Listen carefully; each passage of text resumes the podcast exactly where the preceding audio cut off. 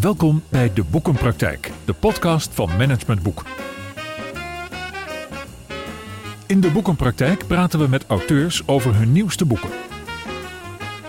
Boeken over organisatieontwikkeling, persoonlijke ontwikkeling en verandering. En altijd met een link naar de dagelijkse praktijk. Uw presentator is Willem van Leeuwen. Vakdeskundigheid is voor een welvarende organisatie de belangrijkste succesfactor, mits die optimaal wordt ingezet. Niet te weinig, maar ook niet te veel. Althans, dat is een overtuiging van Mathieu Weggeman, zoals hij hem verwoordt in zijn nieuwste boek Goede Mensen, Mooi Werk. Met daarin diverse praktijkverhalen over vakmanschap, leiderschap en schoonheid in organisaties. Mathieu is adviseur, wetenschapper en hoogleraar organisatiekunde en innovatiemanagement aan de Technische Universiteit in Eindhoven. En Mathieu is natuurlijk ook bekend als auteur van diverse managementboeken, waaronder zijn meest bekende werk Leiding geven aan professionals niet doen. Mathieu is vandaag mijn gast in deze aflevering van de Boekenpraktijk en daar ben ik blij om. Welkom uh, Mathieu. Dank je Willem. Waarom werd het volgens jou tijd voor een boek met verhalen over vakmanschap en schoonheid in organisaties? Um, nou ja, uh, we, we, zien natuurlijk heel veel management bashing in, in mijn kringen, zeg maar, van auteurs die over organisaties schrijven, dat managers het allemaal anders moeten doen. En um, zo na 30, 40 jaar in dit vak zie ik dat het ook verschrikkelijk moeilijk is om het goed te doen. En um, ik dacht, als, ik nou eens, als we nou eens kijken naar een middenweg. Hè, we gaan het niet helemaal hebben over die professionals, dat die allemaal vertrouwd moeten worden en veel ruimte moeten krijgen. Dat is zeker zo, maar ook niet allemaal tegen die managers dat het allemaal anders moet. En dat we weer een nieuwe matrix bedacht hebben. Maar als we nou kijken waar het eigenlijk om gaat. Hè, wat is mhm. nou de essentie van een organisatie? Dan is dat dat daar op de vloer mensen aan de gang zijn die dingen maken waar, waar klanten iets aan hebben, diensten of producten. Ja. En als ik daar nou eens goed naar kijk, um, dan, dan zie ik dat, dat vooral mensen allerlei ontberingen trotseren van die managers en van de software die ze allemaal moeten gebruiken. En um, de planningen en de controle, omdat ze het idee hebben dat ze iets moois aan het maken zijn met elkaar. Dat bleek uit die interviews. Het, het, het, het lijkt alsof je zegt, uh, ondanks de aanwezigheid van mijn manager, um, kan ik mij ook focussen op de waarde die ik lever in termen van, van, van product of dienst. Ja, helemaal waar. Uh, Is die manager zo'n pain in de S? Nou ja, zij moeten natuurlijk ook, ze hebben ook een taak. Ja. En, en wat je bij de start-ups ziet en bij de jonge ondernemingen is dat ze die taak gedistribueerd hebben onder elkaar. En er is iemand die, die heeft een mooi financieel programma voor, de, voor, voor de uitgaven thuis hè, in, een groot gezin. Dan zeggen ze, Jan, kan jij niet de financiën doen? Er is weer iemand die goed kan timmeren en, en die zijn eigen huis een beetje gemaakt heeft. En zeggen, zou jij niet voor onze facilitaire zaken willen doen? Ja. Uh, en die verdelen het onder elkaar. Of iemand die goed kan luisteren, zeggen, doe jij de HR in ons clubje. Dus Omdat ze dat allemaal minder belangrijk vinden dan waar het op de vloer over gaat. En in grote organisaties, dan zijn die functies apart bij mensen neergelegd. Nu wordt het in kleinere organisaties, en je noemt start-ups, wordt het veel meer toebedeeld aan het talent van mensen. En wordt het zelfsturend of, of zelforganiserend opgepakt. Worden mensen daar blijer van?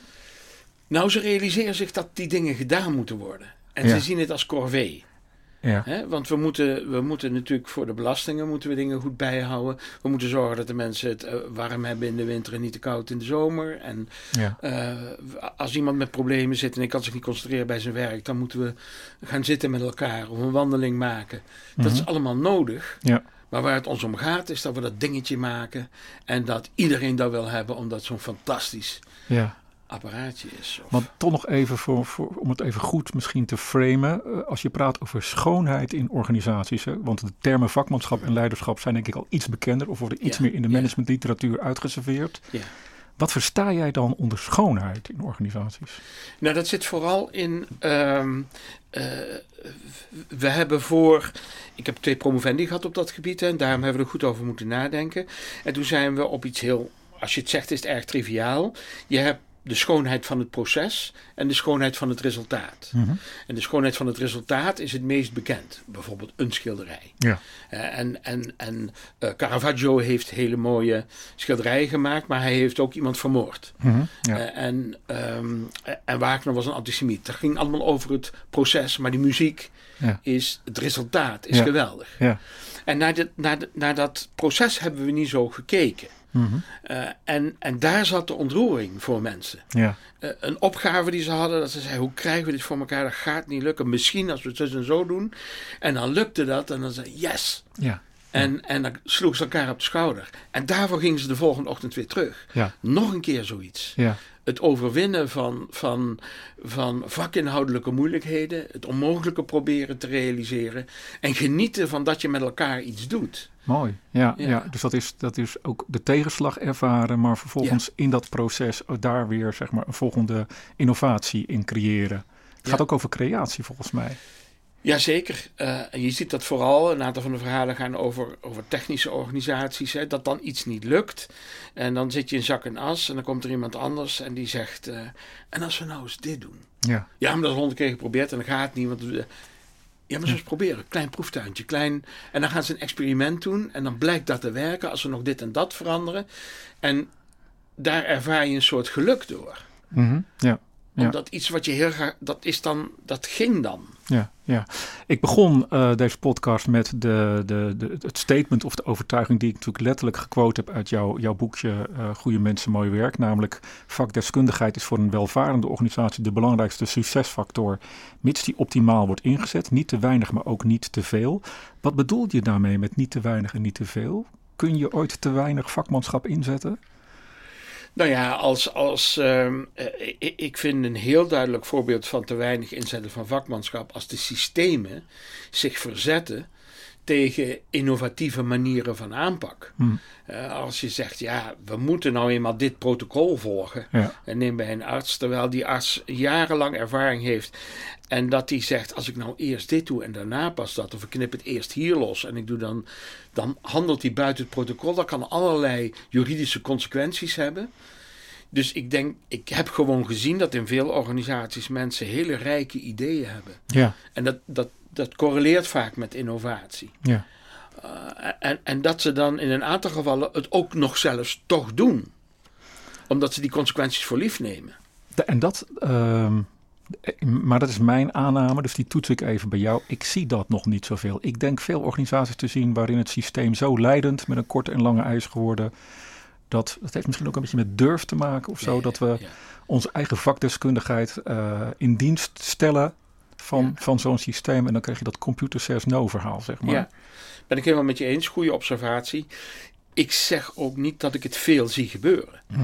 Maar daar waar ik het heb zien gebeuren, heb ik geprobeerd die verhalen Ja. op te schrijven. ja, het zijn mooie maar over het algemeen zijn de mensen, conformeren de mensen zich.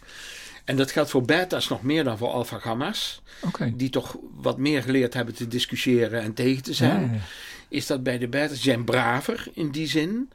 En, en daarmee wordt inderdaad, eh, worden mogelijkheden gedempt. Die Ja. observatie deel ik, ja. Interessant, interessant. Dus je, je, je, zegt eigenlijk alfa mensen zijn meer gewend om te communiceren en te discussiëren. En misschien daardoor ook wat meer, hebben die assertiviteit misschien iets Ja. meer ontwikkeld om zich niet te laten leiden door wat de computer zegt en door het systeem. Ja. Interessant. Terwijl je tegelijkertijd heb je echt wel een aantal voorbeelden uit beta-omgevingen. Ehm, kun je eens voor, voor, de luisteraar die jouw boekje met al die mooie praktijkverhalen niet heeft gelezen nog, kun je eens één voorbeeld schetsen waarvan je zegt, kijk, dit vind ik nou een sprekende casus, een sprekend voorbeeld van hoe er, hoe, wat de schoonheid in een, in een organisatie symboliseert? Ja, een van, de, een van de verhalen die erin staat is dat er gaat over een operatieteam. Ja, En ehm, dat is een hele ingewikkelde operatie. Die gaat sowieso acht uur duren. Ehm, en daar kunnen zich complicaties bij voordoen. Die hebben ze van tevoren bedacht. Als dit en dat gebeurt, dan moeten we naar scenario B. Ja. En dan komt er een andere chirurg. En dan wordt er op een andere manier andere apparatuur. En zelfs kan het gebeuren dat we naar C moeten. Ja. En, en ze beginnen daaraan eh, met elkaar, heel gemotiveerd, spannend ook. Hè? Eh, het hangt af van het team. Eh, Vivaldi draait op de speakers in die operatiekamer, omdat de hoofdchirurg dat en anderen doen ze vaak zo. En dat stelt op een bepaalde manier gerust. En dan eh, wordt op een gegeven moment door de leider van het team gezegd: we moeten naar B, omdat die Mhm. complicatie zich voordeelt. Je ziet iedereen wisselen. Wij stonden achter een one-way screen voor die ja, eh, dat was onderdeel van een promotieonderzoek. En ehm, ze moeten zelfs op een gegeven moment naar C. Komt, wordt een andere chirurg opge die, die stand-by is.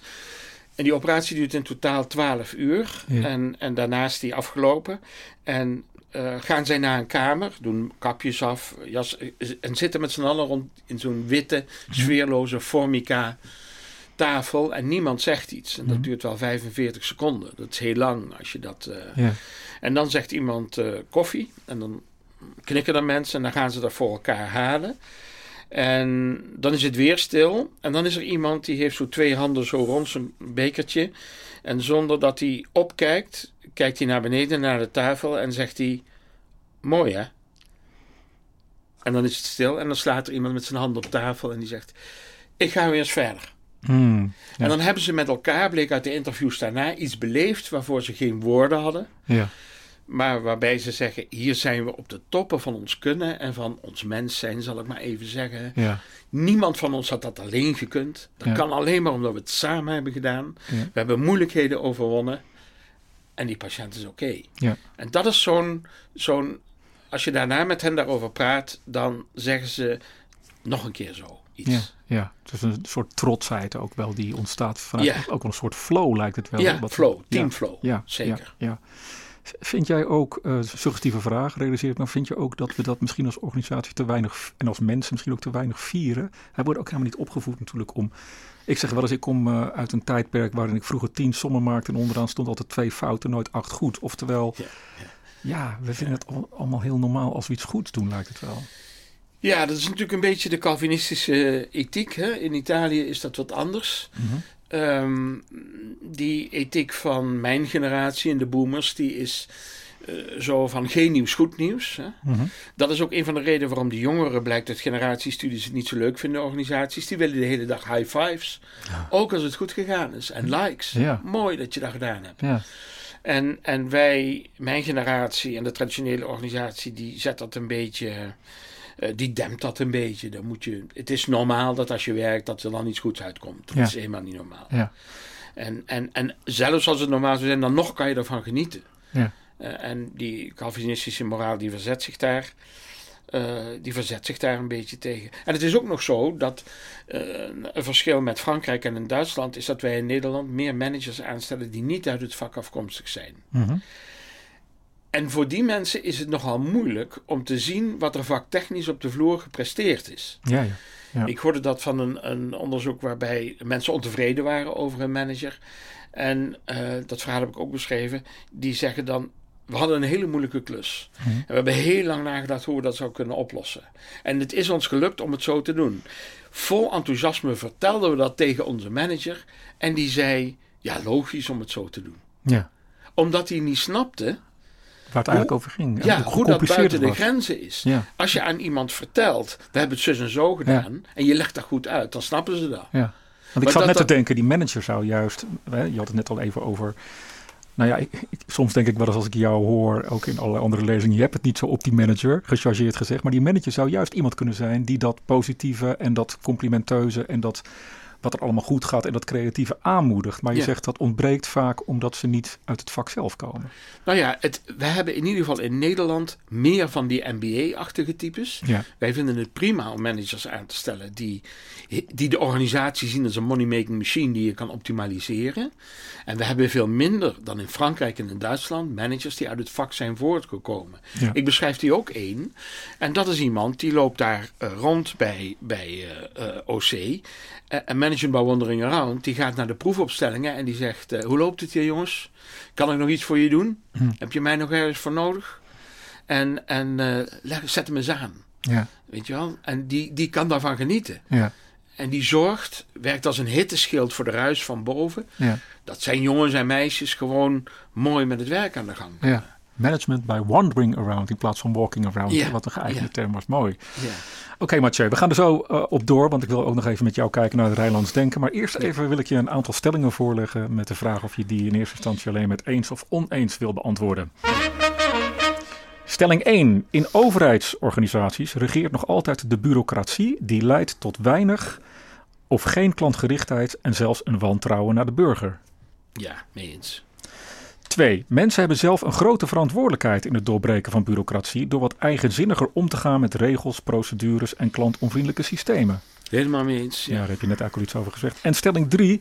Zolang waarde creëren voor aandeelhouders in ons economische systeem de hoogste prioriteit heeft, zijn de uitgangspunten van het Rijnlands denken eigenlijk een bijzaak. Uh, mee eens, ja. ja. Even terug aan die eerste stelling. Hè. De bureaucratie regeert in uh, overheidsorganisaties en dat leidt tot weinig klantgerichtheid en wantrouwen naar de burger. Hoe krijg je daar nou verandering in? Grote vraag misschien. Um, nou ja, dat, is, dat heeft ook, zoals je net al noemde, met lef en met durf te maken. Mhm. Als je ziet dat op, werken op een bepaalde manier goed is, uh, ook al staat het niet in de, in de regels, dan creëer, moet je de ruimte creëren om dat tenminste één of twee keer te doen en daarna de regels aan te passen. Ja. Een van de belangrijkste dingen waardoor dat niet gebeurt, is, uh, uh, is, is de juristerij om al het werk van de overheid heen. Die eventueel lef en eventuele moed van ambtenaren indampt of dreigt met, met allerlei vreselijke beelden die op kunnen treden als een burger. De WOP is daar een voorbeeld van. Alles moet moet zeg maar WOP-proef zijn, wet openbaar bestuur, dat je kan vragen wat. Uh, ja, ja. We, we, wilden de notulen van het OMT in deze corona, hè, wilden we weten. Zeiden mensen alsjeblieft niet, want dan ga ik niet meer zeggen wat ik normaal out of the box en buiten de lijntjes wel durf te zeggen, omdat we met creatieve oplossingen bezig zijn. Ja. En, en, en de, de invloed van, van de juristen en op de tweede plaats de financiële mensen is zo groot uh, dat die bureaucratie daardoor voor een belangrijk deel in stand blijft. En ik zit ook dan even te denken, nu jij dit zo zegt, aan media. Ik kan me ook voorstellen dat de toename van social media, maar misschien ook wel de media-aandacht in zijn algemeenheid. Daar is zo'n vergrootglas op dit soort organisaties. Dat je, nou ja, als je buiten de lijntjes kleurt, zoals je dat zo mooi zegt. Ja, dan ben je gelijk uh, de zondebok misschien van de organisatie. Dus dat, dat bevordert ook dat lef niet, denk ik dan. Ja, en dat wordt ook weer door datzelfde punt geschaagd wat we eerder noemden. Dat we, dat we weinig uh, we kunnen weinig eerbied hebben voor de deskundigheid mhm. van de staatssecretaris en van de minister, omdat die vaak. Zij ze, doe jij dit, uh, dit jaar, doe je op volgende vier jaar, doe je dat. Mhm. en, en, die wisselen gewoon van ministerie. Je hebt die, die algemene bestuursdienst, ja, weet je wel. waar hoge ambtenaren na vijf jaar wisselen, maakt niet uit waar naartoe. Omdat ze goed kunnen besturen. Maar of ze verstand hebben van wat de gezondheidsraad moet doen... Mhm. Ja. Of, ze, of ze ook een geneeskundige scholing hebben, dat is iets heel anders. Er zit een hele generalistische opvatting eigenlijk achter. Van je moet ja. uh, in, na zoveel jaar stoelendans doen en er wordt niet meer gekeken waar ben je eigenlijk van qua vakmanschap. Ja. Of, of vrouw, of zeggen dat vakvrouwschap. Ik hoorde in Duitsland bij de nieuwe, nieuwe regering, de nieuwe ministersploeg. Hè, ja. Daar werd de minister van Volksgezondheid geciteerd, die iets verstandig zei. En daar, daarachter zeiden ze um, epidemioloog en gezondheidszorg-econoom. Hm. Ja, dan mag je wat zeggen. Ja. Ja, ja, dan heb je een bepaalde statuur. Ja, en dan vervalt de bureaucratie. Kijk, of de regels en de procedures coördineren het, of de vakdeskundigheid coördineert. Ja. En van dat laatste hebben we te weinig. Ja. De tweede stelling. Er is een, uh, uh, mensen hebben zelf grote verantwoordelijkheid in het doorbreken van bureaucratie door wat eigenzinniger om te gaan met regels, procedures, klantovriendelijke systemen.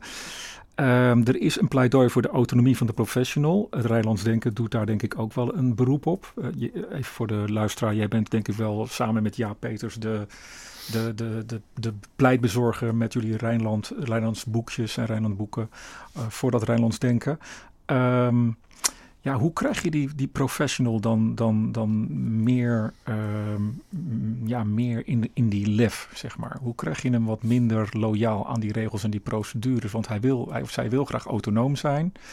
Maar ja, ondertussen uh, ja, zie je toch dat... Ik, nou, bijvoorbeeld, ik, laat ik zelf even een voorbeeld noemen. Ik heb laatst een, een, ingenieursorganisatie... Uh, uh, geadviseerd en gecoacht. En daar hebben ze een traject opgezet en dat heet Jonge Helden. En de doelstelling van het traject was laten we zorgen dat die jonge ingenieurs eigenlijk weer wat meer out of the box gaan denken. Want ze passen zich zo snel aan aan de, ja, aan de oudere ingenieur als het gaat om het, het voldoen aan de regels en procedures. Hoe, hoe krijg je dat eruit? Nou ja, de eerste, het, uh, het eerste um, makkelijkste wat je kunt doen is dat je minder gaat sturen op processen en meer op resultaten. Ja. Dus resultaatverantwoordelijkheid, outputsturing. Kan jij een ding maken of kan je die mensen helpen met dat en dat, zodat ze een tevredenheidsscore van zoveel of zoveel kwantificeren, maakt niet uit. Ja. En als die professionals met elkaar zeggen, chef, dat gaan we doen. Mm. Dat krijg je. Ja. Op tijd, binnen budget en up to specification. Ja. Maar laat het aan ons over hoe we het doen. Ja, dus de hoe laten we helemaal vrij. De hoe laat je helemaal vrij. Ja. En of ze, dat, of ze dat met elkaar buiten werkuren doen, of een van die mensen een lapje thuis heeft, of dat ze een vriendje hebben wat bij de concurrent werkt die ook zo'n machine heeft. Extreem, hè? Maar laat dat vrij. Geloof gewoon als, je, als iemand zegt: Dit krijg je van mij, dat ga ik doen. Ja, En je hoort wel van ons als het niet lukt. ja, Dan, dan gaat het swingen. ja, ja, ja. Ik moet een beetje denken aan wat Google heeft toegepast Ja. om, wat is het, 10% van je werktijd gewoon te besteden aan creativiteit, Ja. zeg maar. Ja. Ja. En dat komt altijd terug naar de organisatie, eigenlijk. Ja. En dat zou je ook in die 90% kunnen doen. Mhm. Door goed, en dat is, voor een manager wordt het leven daardoor heel plezierig. Ja. Want eh, veel van het gedoe is omdat managers professionals aanspreken op iets wat ze van tevoren niet gezegd hebben dat ze zouden, om, op zouden aanspreken. Dat komt dan ineens op en dan doe jij het niet goed. Ja, maar had dat nou gezegd, chef? Ja. Maar als je aan de voorkant zegt, ik verwacht van jou het volgende, verwachtingenmanagement eigenlijk. Ja. Ja. En kunnen jullie als afdeling dit en dit doen in kwantitatieve termen? Zoveel mensen verzorgen, zoveel eh, verkopen. Of in kwalitatieve termen, een, een innovatie bedenken voor X of Y. En jij zegt ja, chef, dat gaan we doen. Mhm. En je hoort het wel als het niet lukt. Ja. Dan, dan is het voor die manager plezierig. Dat die management by walking en wandering around kan doen. En voor de mensen is het plezierig omdat ze hun autonomie hebben om het op de beste manier te doen. Ja. Nou klinkt dit heel logisch, Ja. Mathieu, en eigenlijk ook wel heel simpel. Ja. En dan blijft mijn vraag toch, wat maakt dat we dat, we dat niet doen? Bijvoorbeeld dat verwachtingen managen aan de voorkant. Waarom gebeurt dat dan niet? Hebben we dan incapabele managers die niet goed kunnen communiceren? Wat, wat is dat dan, als ik het heel zwart-wit benader? Ja, eh, eh, het, is, het is voor een groot deel ook de behoefte aan onzekerheidsreductie bij managers. Ja. Ehm, en dat is eigenlijk vertrouwen. Ik zit daar op die stoel en, en ik wil die thermometer erin st- steken. Ze zeggen wel dat ze op tijd er zullen zijn. Ja. Ja. Maar ik heb niet. ook wel eens een situatie meegemaakt waarin dat niet zo was. En dat generaliseer je dan voor de, Aha. voor de hele situatie. Ja. En, en ehm, ja, zeggen ouders tegen hun kinderen: als jij overal een 7 voor had op je rapport, hoor je mij nergens over. Mhm. Dat is outputsturing. Ja. En, eh, en als je vijven en vieren haalt, zo eens kijken of er iemand in de omgeving is die jou kan helpen en bijlen. Ja. Dan is het functioneel. Ja. Ja, maar als je dan eh, op één rapport een keer een zesje hebt gehaald, dan moet je niet als ouder volgend jaar zeggen: Ik ga elke week met jou je huiswerk nakijken. exact, exact. Ja, ja, Dat ja. kan gebeuren. Ja. Ehm, is het, eh, we hebben het over autonomie van professionals en vooral de hoe zeg maar, aan hen overlaten. Misschien even advocaat van de duivel. Ehm, sommige mensen kunnen er helemaal niet mee omgaan. Die ervaren, dat, ervaren die vrijheid als een enorme verantwoordelijkheid. En dat vinden ze alleen maar gedoe. En die zeggen, daar hebben we managers voor. Dus die leggen dat juist weer terug bij de managers. Ja. Herken je dat ook of niet? Ja, ik, ik, een stoute uitspraak. Ik zou de hypothese wel eens willen toetsen. Dat ehm, professionals die zo denken, dat dat niet zo'n hele goede professionals zijn. Ehm, als je heel erg houdt van je vak, je zit er middenin en je bent heel deskundig. Ja. Dan ga je niet om regels vragen. Dan wil je juist die vrijheid om het op jouw manier te doen. Hmm, ja. Ehm, eh, ik weet niet of het waar is, hè, we hebben het niet onderzocht, maar het zou een interessante hypothese zijn om verder te onderzoeken. Hoe komt het dat je dat wil? ja, wat zit daaronder? Ja, als ik zie dat, dat heel veel mensen van de jonge generatie, eh, die gaan in de grote corporates werken en na een jaar zijn ze weg. Mhm. Zeggen ze bedankt, ik heb veel geleerd, maar het klimaat en de cultuur die hier is, ik wil zelf, heb ik ideeën Ja. enzovoorts. Dus Ja. ik kan me dat moeilijk voorstellen als je goed bent in je vak, dat je dan behoefte aan regels. eh. ik weet wel dat het ministerie dat ook zegt. Hè, bijvoorbeeld. Ze vragen het zelf, tjeu, die regels. Ze willen weten wanneer doe ik het nou goed. Ja. Ik denk dat dat toch een zwaktebod is. Misschien is het zelfs wel zo dat een echte professional, als ik, als ik even op, op afga wat je nu zegt, nooit in een, lang in een corporate organisatie zal blijven werken. Dat is nog een stap verder. Ja. Ja, ja. Zullen we even naar het Rijnlands denken gaan? Hoe staat het daar nu eigenlijk mee? Want eh, er zijn inmiddels ruim 50.000 exemplaren verkocht van jullie laatste uitgave van het Rijnland boekje, wat je met Jaap Peters hebt gemaakt. Eh, is, is de missie over het Rijnlands denken geslaagd inmiddels? Kun je daar iets over zeggen? Nou, we, komen wel steeds verder. Maar, maar we zijn er nog niet. Hè. We zijn vooral ver gekomen eh, met het Rijnlands denken in de publieke organisaties. Dus in onderwijs, in zorg, eh, ministeries, waterschappen, provincies. En dat komt voor een deel natuurlijk ook omdat daar geen aandeelhouders zijn in de financiële zin. Ja, want even dus, misschien, uh, ik realiseer me dat niet iedereen misschien gelijk weet wat Rijnlands denken is. Maar dat gaat uit van uh, vakmanschap, laag in de organisatie leggen, verantwoordelijkheid bij de mensen houden.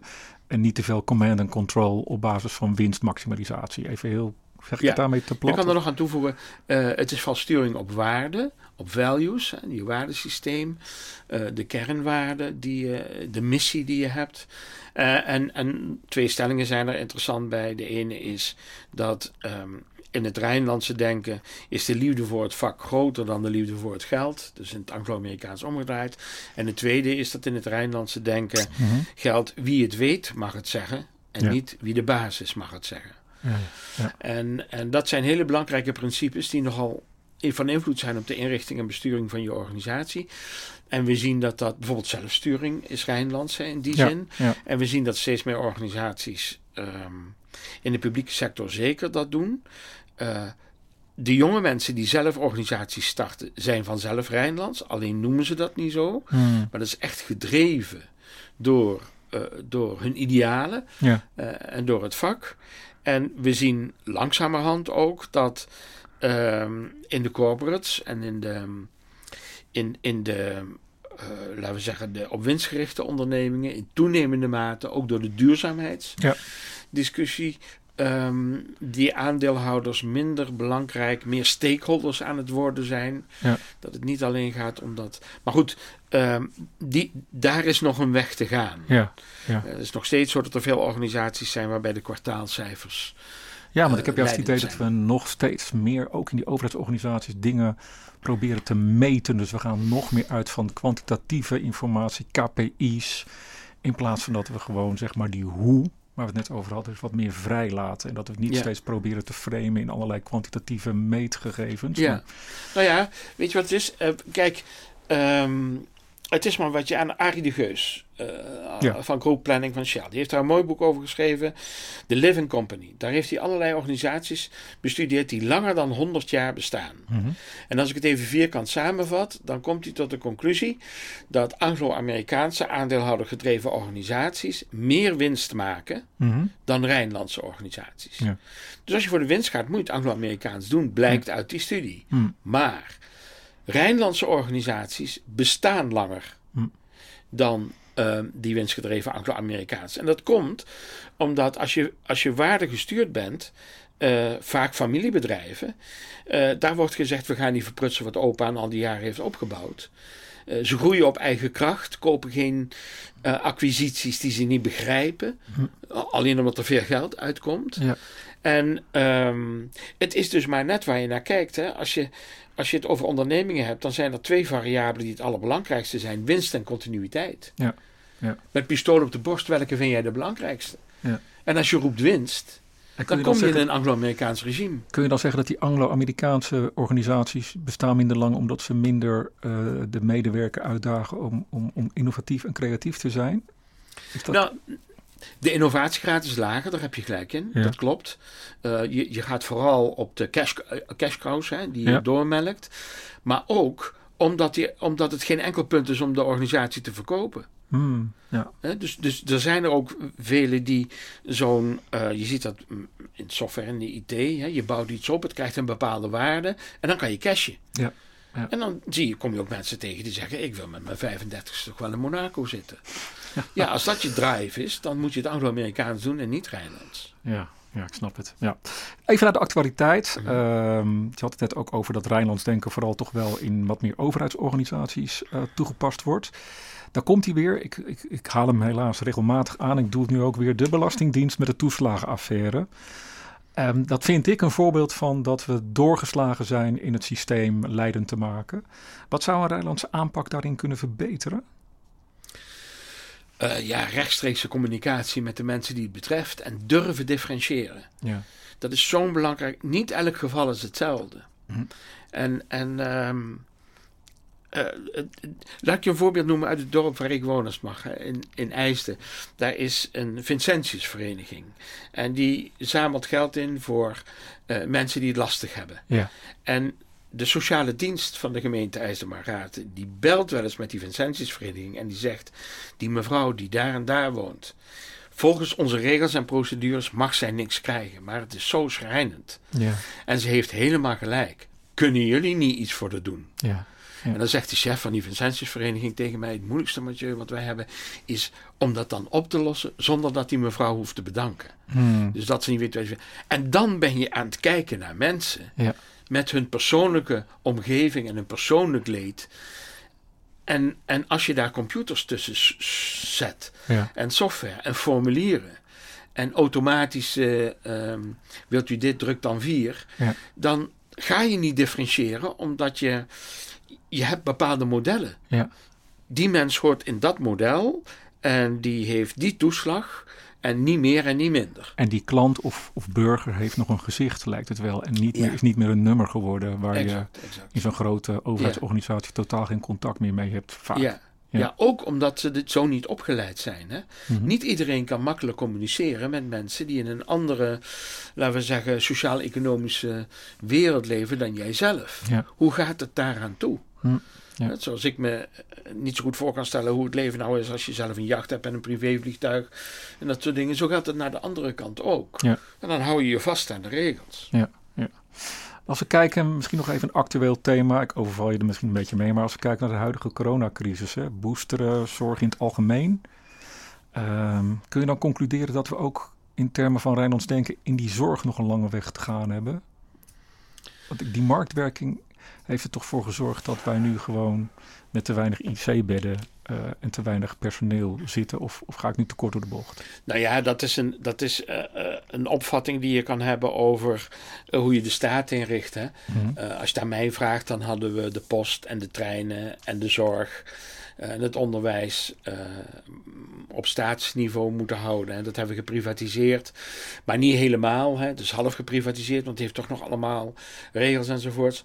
Laat ik het eenvoudiger zeggen. Gommers die was op een gegeven moment na de eerste golf, was die in, op het programma op één. Ja. En eh, toen vertelde hij dat het in de tijd van de crisis in de organisatie allemaal zo makkelijk ging. Hij zei aanpassingen aan die IT werden meteen gedaan. Verbouwingen, wandje erbij, werd meteen geregeld. Ja. En nu zijn we, dat was in juli 2020, hè, na de eerste golf. Ja. En nu zijn we weer aan het vergaderen.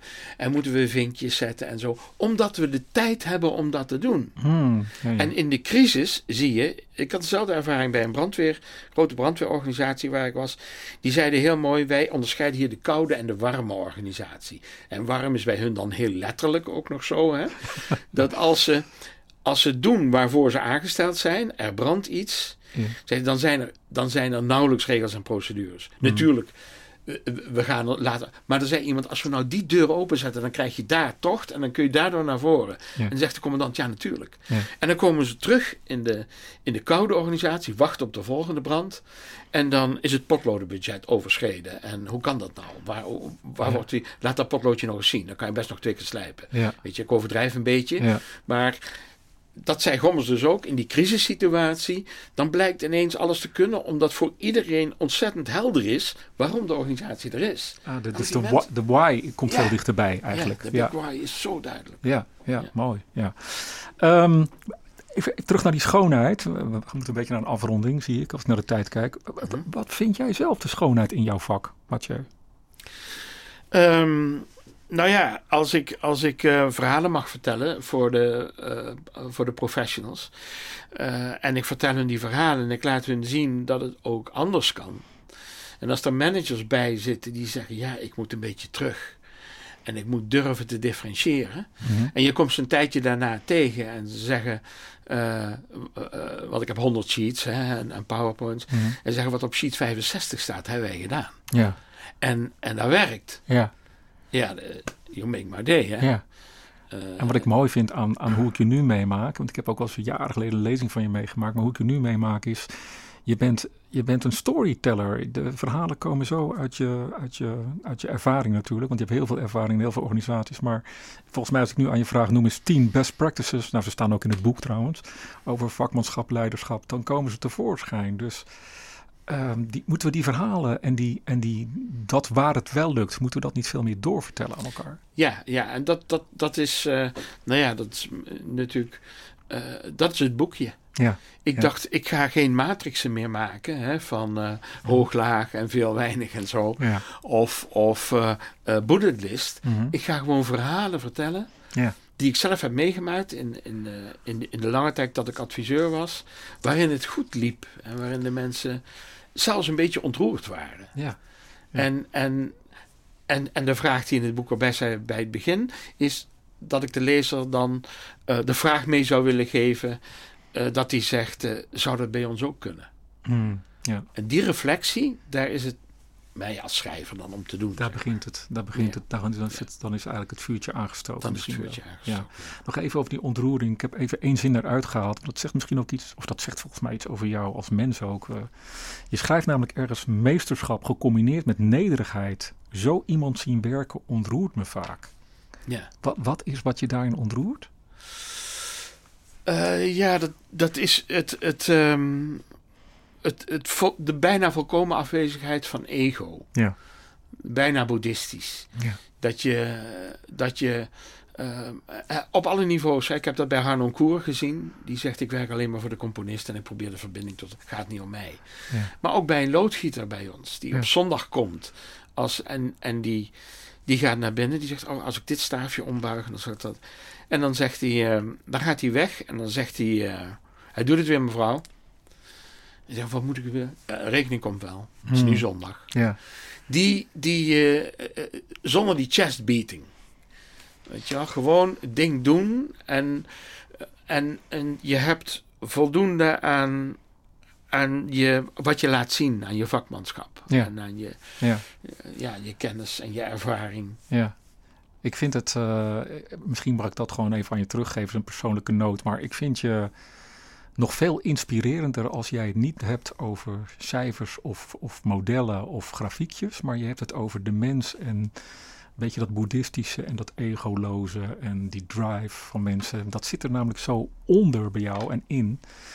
Ja, en eh, daar heb je gewoon hele mooie voorbeelden van. Dank je wel daarvoor. Wat mooi dat je dat zegt. Dank je. En we hebben natuurlijk in deze podcast, dankzij Mathieu Weggeman, dankzij onze gast, meer oog en oor voor de schoonheid. Hoop ik voor de schoonheid in organisaties. Want dat is belangrijk. Dan kijken we ook eens naar wat er wel is in plaats van wat er misschien allemaal niet is. Dankjewel Mathieu. Fijn dat je mijn gast wil zijn. Ik verwijs jou als luisteraar van deze podcast heel graag naar de volgende aflevering. In eh, 2022 zal dat zijn. Volgend jaar moet ik dan zeggen, maar het is natuurlijk eigenlijk alweer over twee weken. Ook daarin spreken we weer met een auteur over zijn of haar opmerkelijk recent verschenen managementboek. En zullen we proberen de strekking van het boek te plotten op eh, de praktijk. Rest mij je hartelijk te danken voor het beluisteren van deze podcast en alle andere 21 afleveringen van 2021. Dit was aflevering 22. Bij vragen, opmerkingen of suggesties graag mailen naar Tot info.managementboek.nl zover de praktijk van boeken. Kijk voor meer afleveringen of een abonnement op de boekenpraktijk op managementboek.nl/slash podcast. Je vindt ons ook op Spotify, Apple Podcast, Google Podcast en Soundcloud.